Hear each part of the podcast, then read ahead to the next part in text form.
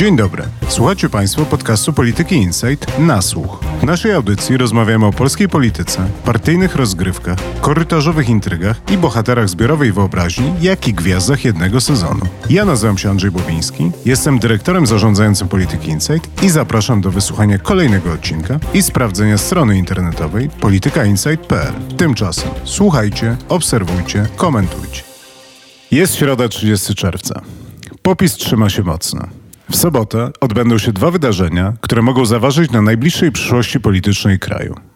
Platforma Obywatelska organizuje konwencję krajową, na której ma zostać ogłoszony powrót Donalda Tuska.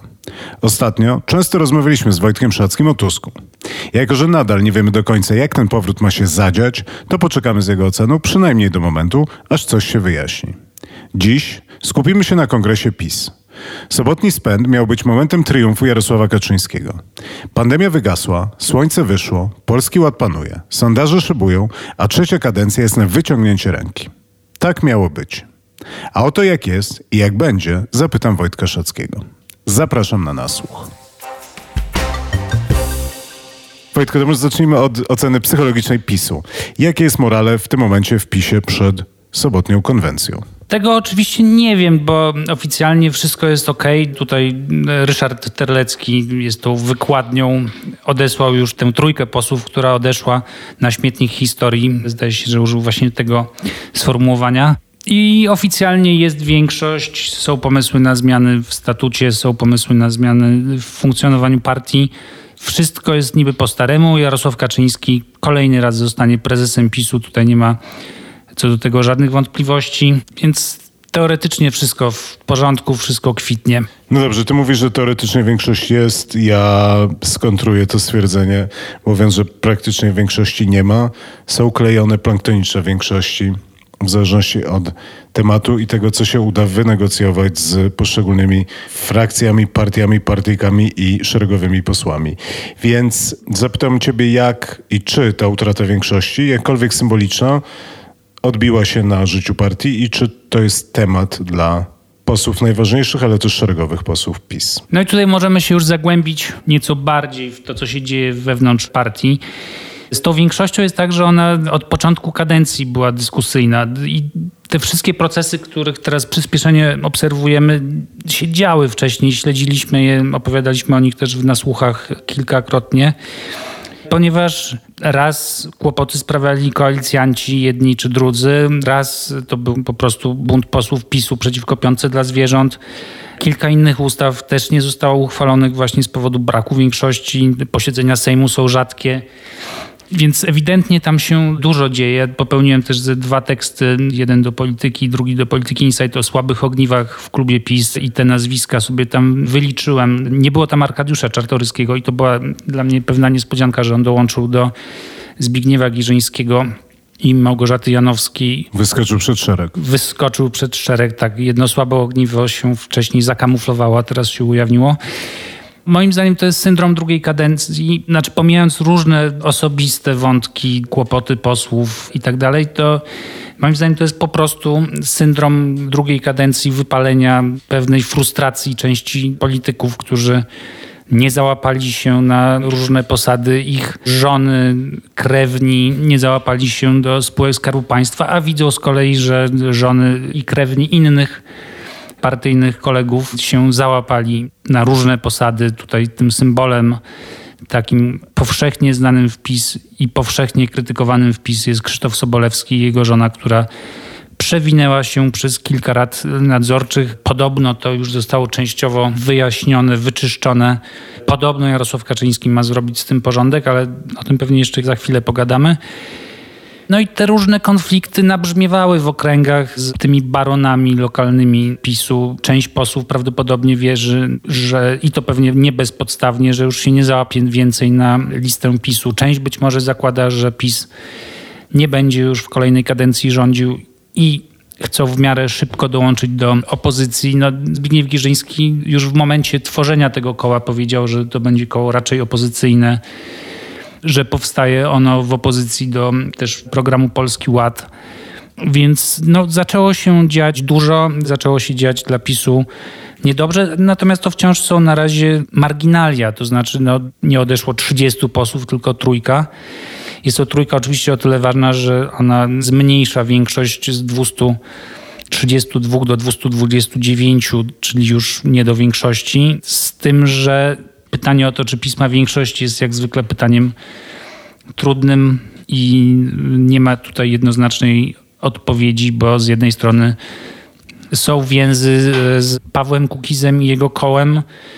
Są też posłowie niezrzeszeni, którzy wspierają rząd, no a z drugiej strony jest Jarosław Gowin i jego kilku posłów, względnie dziesięciu posłów, których wierność rządowi jest niepewna i będzie podlegała testom.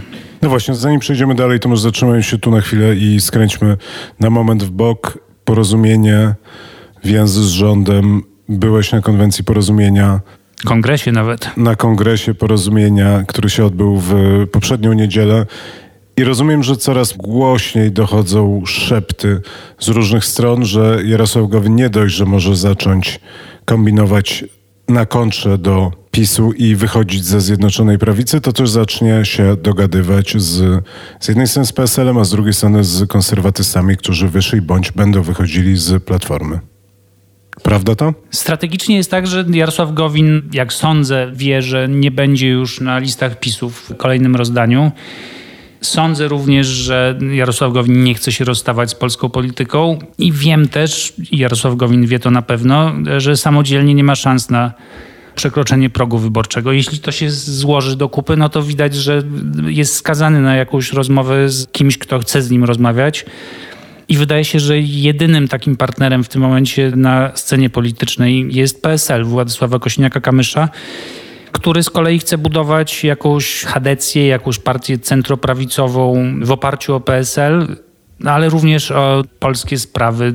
To jest koło, które powstało nie tak dawno temu i w którym jest już jeden poseł porozumienia Andrzej Sośnierz, ale także dwójka byłych posłów Kukiz 15.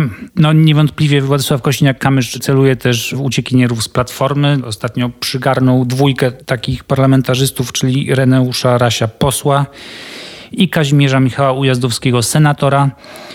Więc Tutaj PSL oczywiście to jest pewnie wątek na inną rozmowę, ale PSL marzy o tym, żeby Platforma poszła sobie na lewo. Tutaj oczywiście idealny byłby Rafał Trzaskowski w roli lidera takiej partii, żeby otworzyć miejsce dla Kośniaka-Kamysza, który mógłby sobie budować jakieś kilkunastoprocentowe centrum. Wracając do PiSu i do nadchodzącego kongresu. Powiem ci tak, żeby trochę złapać moment, w którym jesteśmy. Myślę sobie o tym, że to jest kongres straconych szans, ponieważ odnoszę wrażenie, i to będzie taka prosta polska mądrość, że w polityce jeden sondaż czy jedno wydarzenie jest niczym, a trend jest wszystkim.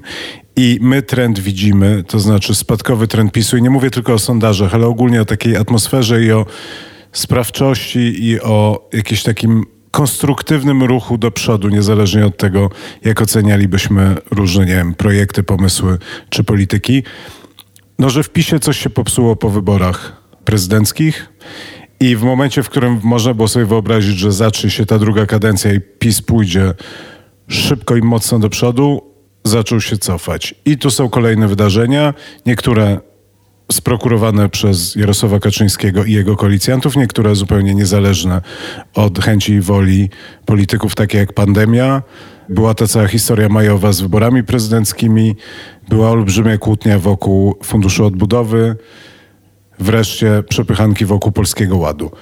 W maju można było odnieść wrażenie, że coś się zmienia i że idzie jakieś odbicie. Natomiast mam poczucie, że to odbicie nie nadeszło i ja tak to sobie wyobrażałem, że ten kongres właśnie lipcowy to będzie ten moment, kiedy ten PiS będzie na tej górce i zacznie się jeszcze szybciej i mocniej wspinać. To znaczy udało się opanować. Były te słynne spotkania w jakimś, nie wiem, klasztorze, nie klasztorze, gdzieś na południu Polski liderów koalicji.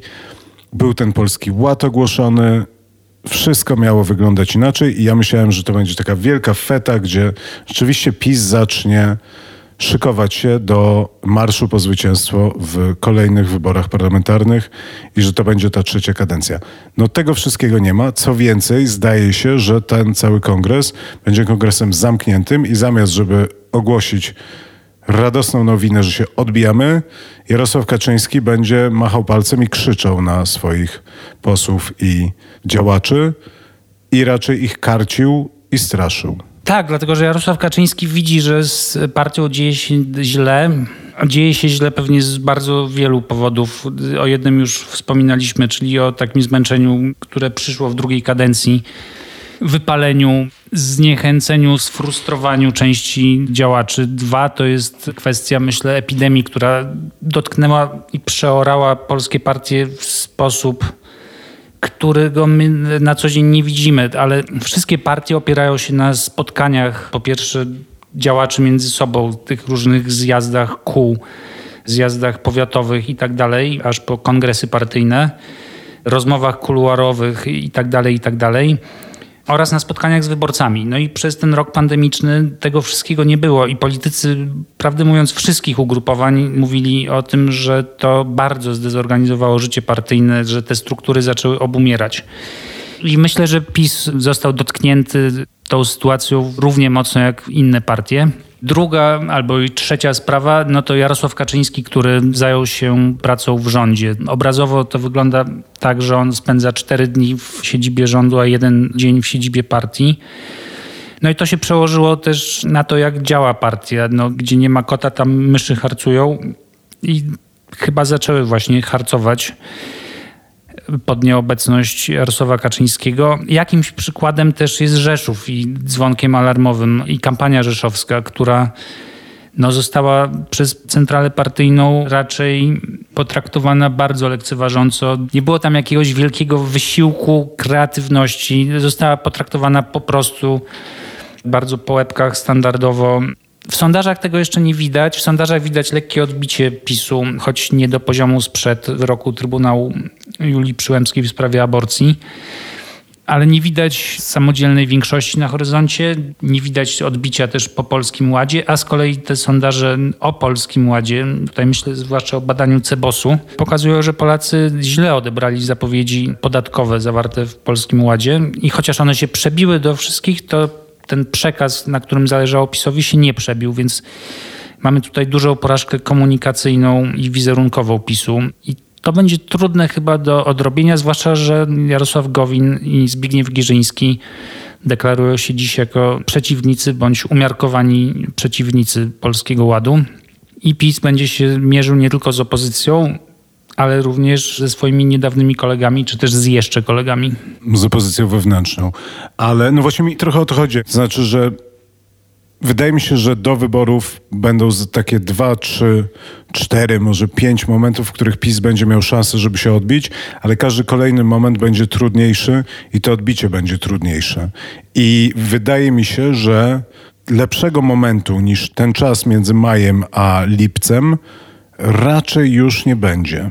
I to jest, zdaje się, fatalna sytuacja. I pytanie, czy Jarosław Kaczyński zdaje sobie z tego sprawę i czy on ma jeszcze sytuację pod kontrolą?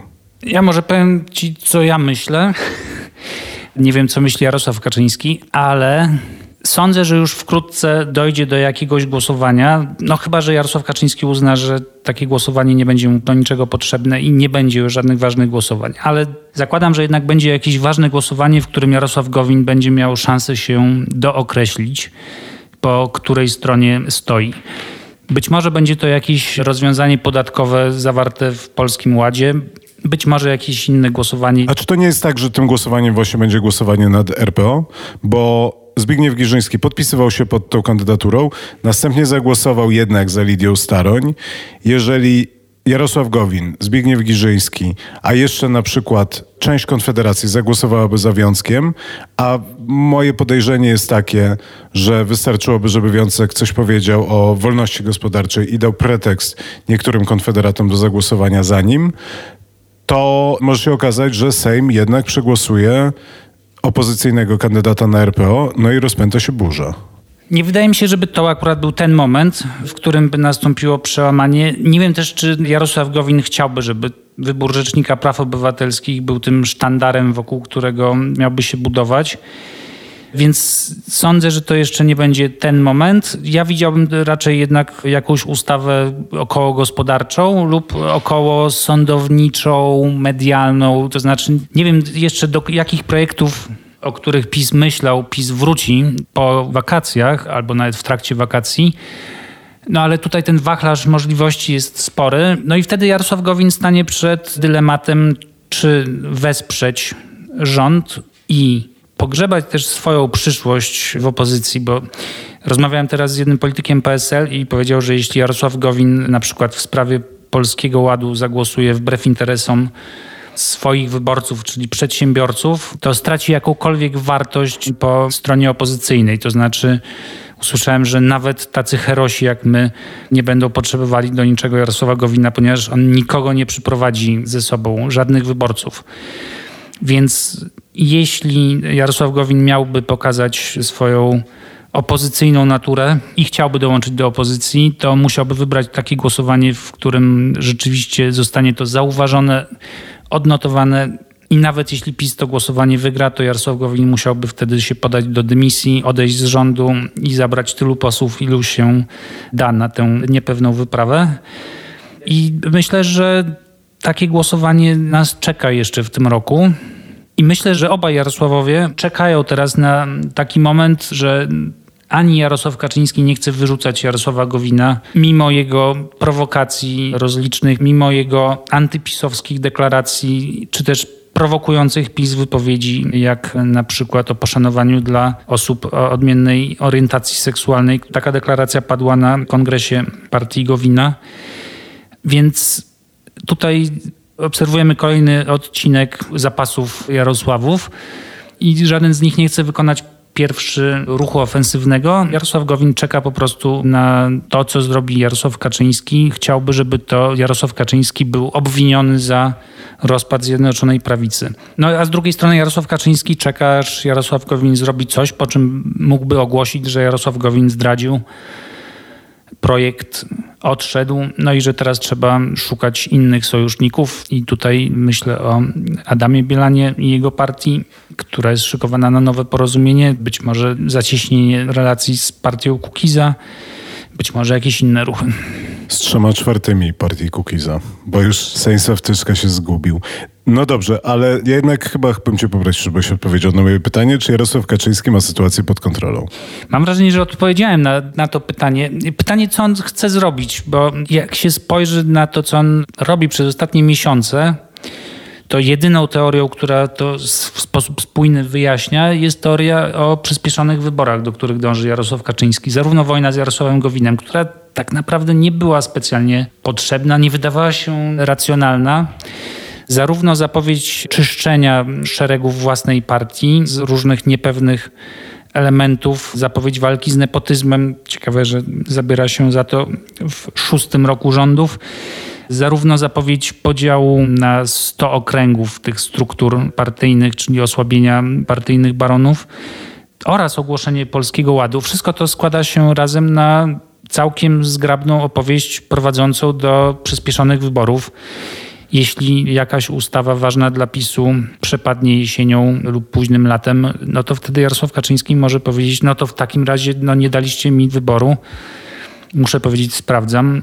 W tej chwili Jarosław Kaczyński tego nie mówi. W tej chwili posłowie PiSu zapewniają, że przyspieszonych wyborów nie będzie, bo byłoby to jakieś pewnie przyznanie się do porażki, ale jeśli by Jarosław Gowin zdradził w cudzysłowie, no to wtedy Jarosław Kaczyński ma nowe pole możliwości. Ja mam taką teorię, że Jarosław Kaczyński postanowił zarządzać swoją partią metodą kijem marchewki, tylko że zjadł tą marchewkę i został tylko ten kij, a tym kijem są przyspieszone wybory, więc on cały czas straszy, że będą te przyspieszone wybory i dlatego to wszystko wydaje się zmierzać ku przyspieszonym wyborom, bo jakby w to dokładnie gra Jarosław Kaczyński, żeby wszyscy mieli takie poczucie, że za chwilę będą te przyspieszone wybory i cały czas byli w takim szachu, to znaczy obawiali się tego, czy Jarosław Kaczyński w końcu to zrobi, czy tego nie zrobi. No i on tego na razie nie robi, ale zobaczymy, co będzie dalej. Znaczy, jeśli chodzi o marchewkę, to jedną marchewkę chyba jeszcze zachował. bo mówi się o tym, że wróci pomysł podniesienia pensji, czy też diet i uposażenia poselskiego. No i to niewątpliwie by rozmasowało nieco nastroje w PiSie. To jest taka marchewka baby moim zdaniem. Tak. Natomiast z tymi przyspieszonymi wyborami to jest oczywiście tak, że PiS jako PiS, jako aparat partii, jako parlamentarzyści, struktury, członkowie rad nadzorczych, członkowie zarządów. Nikt tych wyborów nie chce, bo one nawet przy reelekcji zaburzyłyby układ, zaburzyłyby. Ale one to, tak trzymają teraz... wszystkich w napięciu. W sensie raz, że po pierwsze wszyscy muszą się bardzo pilnować, żeby tych wyborów nie było, a po drugie wszyscy muszą być na nie gotowi, bo a nuż one będą i wtedy trzeba, tutaj będzie wystartować, tutaj rozkleić się plakaty, tutaj jednak się znaleźć na tej liście, więc to cały czas jest takie poczucie zagrożenia i antycypacji, że a nuż one za chwilę będą. No tak, ale nikt ich nie chce, natomiast to nie znaczy wcale, że Jarosław Kaczyński ich nie zrobi. No dobrze, to teraz Wojtku, jakbyśmy mogli, ty już trochę nawiązałeś do tych różnych pomysłów, które prawdopodobnie zostaną ujawnione w weekend, ale prosiłbym cię, żebyś się powtórzył i powiedział mi, co się wydarzy w sobotę. Mam wrażenie, że to akurat będzie ten mniej ciekawy dzień z tego duetu dni. Zwanego potocznie weekendem. Zwanego jako weekend, bo w sobotę będziemy mieli kongres PiSu. To jest wydarzenie na ponad tysiąc osób. Tam będą i wszyscy posłowie, i delegaci, którzy byli teraz wybierani na różnych zjazdach okręgowych i gminnych. Ci delegaci wybiorą Jarosława Kaczyńskiego na Jarosława Kaczyńskiego. Nic się tutaj oczywiście nie zmieni. Rozmawiałem ze Zbigniewem Gierzyńskim i on wspominał, jak kiedyś starał się stanąć w szranki z Jarosławem Kaczyńskim na kongresie partyjnym w 2010 roku w Poznaniu. Byłem zresztą na tym kongresie, dobrze go wspominam. I wtedy Zbigniew Gierzyński mówi, że tuż przed tym kongresem zmieniono regulamin kongresu, bo wcześniej była mowa o tym, że żeby się zgłosić jako kandydat na prezesa, trzeba było mieć poparcie 10% chyba członków Rady Politycznej albo delegatów na kongres. W każdym razie była to niemała liczba. A jak się Jarosław Kaczyński dowiedział, że Zbigniew Gierzyński nosi się z zamiarem startu, bez żadnych szans oczywiście na zwycięstwo, ani nawet na rejestrację swojego nazwiska, to szybko zmieniono regulamin kongresu i okazało się, że trzeba mieć 20% i że Zbigniew Gierzyński miał mniej więcej 20 minut na zebranie tych podpisów, co oczywiście nie mogło się udać. Więc to pokazuje, że nawet ten wszechwładny Jarosław Kaczyński, gdy przychodzi do kongresu, to się trochę obawia, próbuje się zabezpieczać na wszystkie możliwe sposoby, ale prawdę mówiąc nie bardzo wiem po co. Więc punkt główny tego kongresu sobotniego, no to będzie wybór Jarosława Kaczyńskiego. Po drugie będzie zmieniony statut i tutaj ja nie wiem do końca jakie postanowienia zostaną wprowadzone, natomiast mówi się o tym, że będzie 100 prezesów okręgowych PiSu, którzy w dodatku nie będą zawodowymi politykami, mają nie startować w wyborach. No i to pokazuje, że Nowogrodzka chce mieć pełną kontrolę, no bo 100 baronów, którzy w dodatku nie mogą być zawodowymi politykami, żaden z nich nie będzie miał jakiegokolwiek znaczenia i tutaj Nowogrodzka będzie miała 100% udziałów. Po drugie, Obecny szef struktur Krzysztof Sobolewski zdaje się ma zostać formalnie sekretarzem generalnym. To stanowisko kiedyś było w PiSie, potem zostało zlikwidowane, teraz ma wrócić. Niektórzy żartują, że ono co kongres albo znika, albo się pojawia. I z tego co wiem, to Jarosław Kaczyński ma też wygłosić ostre przemówienie wymierzone w nepotyzm i ma to być zapowiedź czyszczenia własnych szeregów. I to się wydarzy tak od razu po tym ustanowieniu Krzysztofa Sobolewskiego sekretarzem generalnym? No to się wydarzy wszystko w jednym dniu, a Krzysztof Sobolewski podobno ma doprowadzić do tego, że jego nazwisko nie będzie już łączone z posadami jego żony, cokolwiek to znaczy. Rozumiem, że nie chodzi o wymuszenie rozwodu, lecz raczej o... Zmianę nazwiska.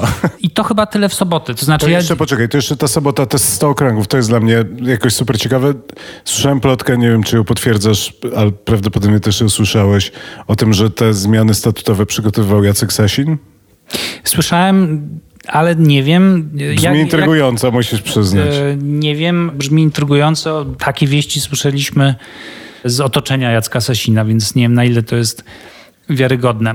Ale zacząłeś coś... Tak, nie, no dla mnie jest przeciekawe skąd się bierze 100 takich osób Zakładam, że to nie będą tylko mężczyźni, choć nigdy nie wiadomo w PiSie, ale no, ludzie, którzy nie są politykami, mają rozumieć bardzo dobrze tą politykę, a zarazem z tego, co rozumiem, poza tym, że mają być dyspozycyjni wobec Nowogrodzkiej, to jednak też muszą jakoś tam panować nad tymi strukturami. To znaczy, wydaje mi się, że samo wyzwanie, jakim będzie powołanie tych stu pełnomocników, baronów, nie wiem, jak na, baronków, jak będziemy baranków na nich mówić, ale wydaje mi się, że to samo w sobie jest strasznie trudne, kto ich będzie liczył, jak nie zasnąć. Nie, ale to samo w sobie będzie strasznie trudne i jakieś takie no, skazane na niepowodzenie, wydaje się. No, jakby, że co, że oni się będą spotykać teraz ta setka, czy, czy zostaną im przypisane numery i na przykład Jarosław Kaczyński będzie mówił dzwoń do 57, musimy zobaczyć, co się dzieje, rozumiesz, no, w Sękocinie. Oczywiście liczba 100 to się bierze z liczby okręgów do Senatu. Tu mogę jedynie gdybać, że prawdopodobnie dla Jarosława Kaczyńskiego te wybory senackie okazały się na tyle dużą kompromitacją partii, że teraz chce, żeby mieć ludzi odpowiedzialnych, żeby ich później ewentualnie móc ukarać za kampanię w konkretnym okręgu. Ja nie wiem, czy to będzie 100 osób. Znaczy, po pierwsze, to i tak wszystko wiemy na razie z nieoficjalnych doniesień, więc zobaczymy, jak będzie. Po drugie, ich nie musi być 100, tylko na przykład ktoś może mieć pod sobą trzy okręgi i wtedy robi się nagle 33 baronków żeby trzymać się tej nomenklatury. Jak to będzie w szczegółach wyglądało, zobaczymy. Na Nowogrodzkiej są zatrudnieni młodzi ludzie, którzy są koordynatorami struktur w części okręgów. Jest kilka takich osób. To są zresztą chyba sami mężczyźni zresztą, którzy pełnią taką techniczną funkcję. Prawdopodobnie to są tacy łącznicy między nowogrodzką centralą a baronami, tymi obecnymi. Być może spośród nich też się będą rekrutowali ci nowi pracownicy, menedżerowie. A jak to się utrze, no to zobaczymy. No pewnie jakaś struktura też pośrednia też powstanie na poziomie województw. To może przejdźmy do dnia drugiego, który Twoim zdaniem jest ważniejszy i ciekawszy, czyli do niedzieli. W niedzielę zbierze się, co ujawnił chyba dzisiaj wicemarszałek Ryszard Terlecki, zbierze się Rada Polityczna. Rada Polityczna to jest z kolei ciało mniejsze niż kongres, większe niż komitet polityczny. To są wszyscy posłowie i senatorowie oraz europosłowie należący do PiSu oraz wybrani na zjazdach delegaci. To jest zwykle paręset osób w sumie. I oni mają kompetencje do tego, żeby wybierać wiceprezesów PiSu e, wskazanych przez prezesa. To znaczy nie ma tam żadnej konkurencji swobodnych wyborów, tylko Jarosław Kaczyński, świeżo wybrany prezes PiSu, wskaże osoby, które chciałby nominować na wiceprezesów ugrupowania. No i wtedy ta rada polityczna dokonuje wyboru, a w zasadzie akceptacji tych kandydatów Kaczyńskiego. No i to jest pewna wskazówka co do tego, kogo partia lubi, ponieważ wyniki tych głosowań są albo jawne, albo jakoś tam przeciekają później do dziennikarzy. Już nie pamiętam, jak to było w poprzednim takim rozdaniu, ale wszystko już było szybko wiadomo, kto z wiceprezesów miał ile głosów. I też Rada Polityczna wybiera członków Komitetu Politycznego, czyli tego węższego ciała które jest odpowiednikiem zarządu Krajowego Platformy.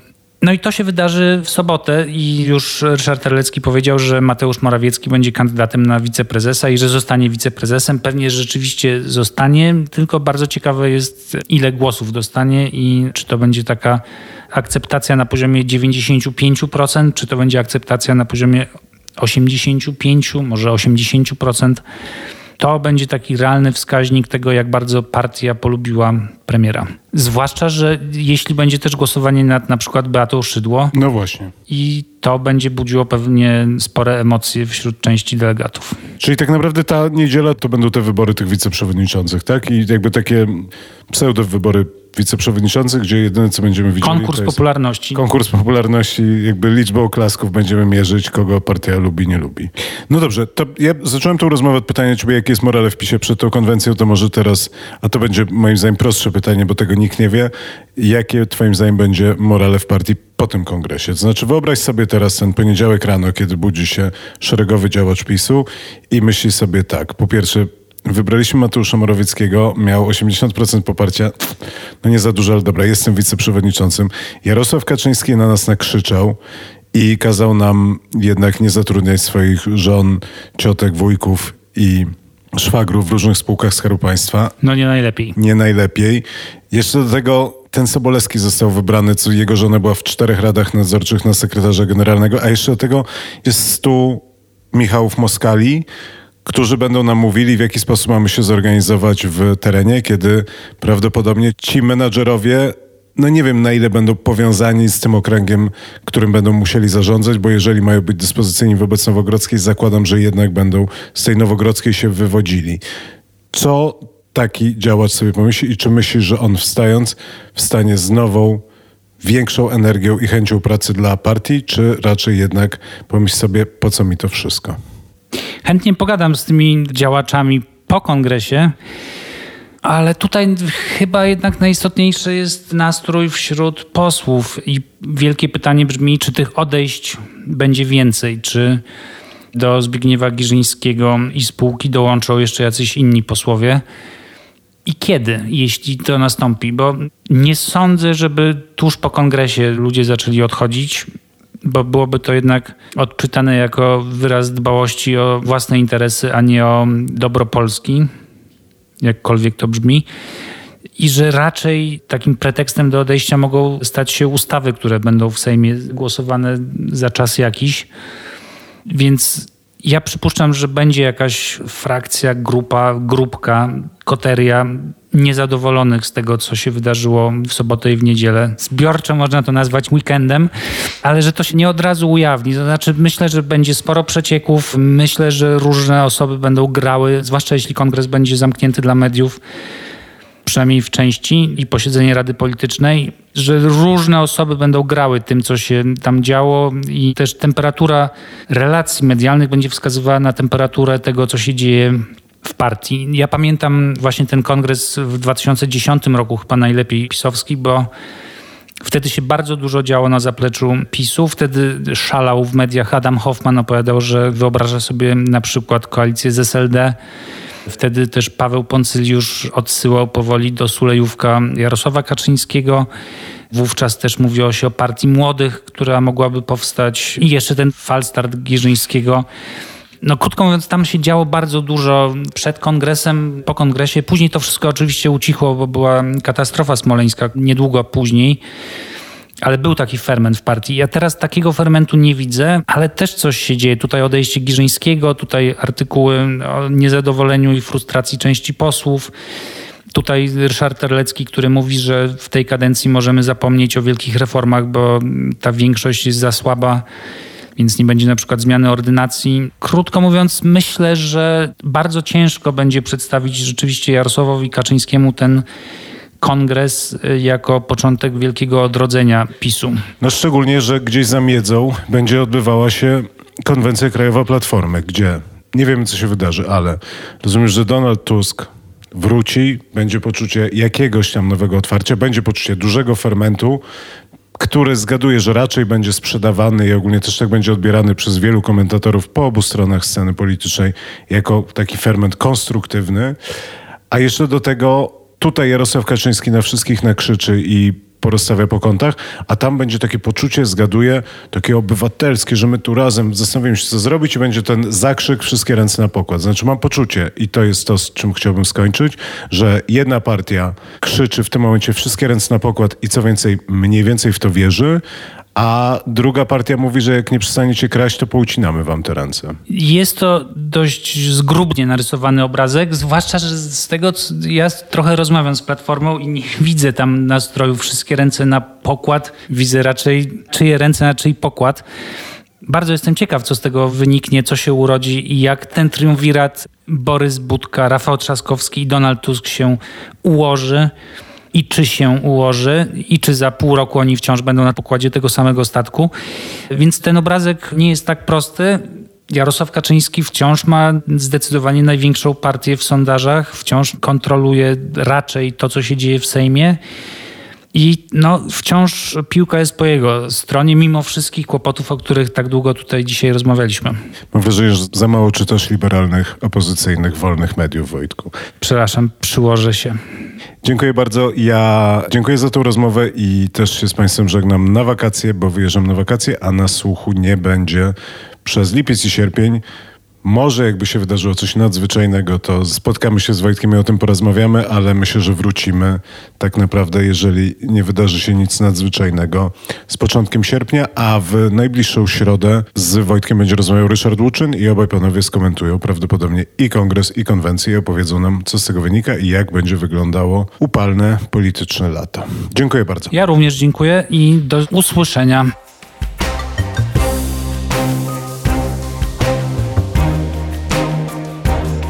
Na dziś to wszystko. Posłuchajcie również innych naszych podcastów, które znajdziecie w większości serwisów podcastowych. W pole wyszukiwania wpiszcie po prostu Polityka Insight. Słuchajcie, obserwujcie i komentujcie. Do usłyszenia.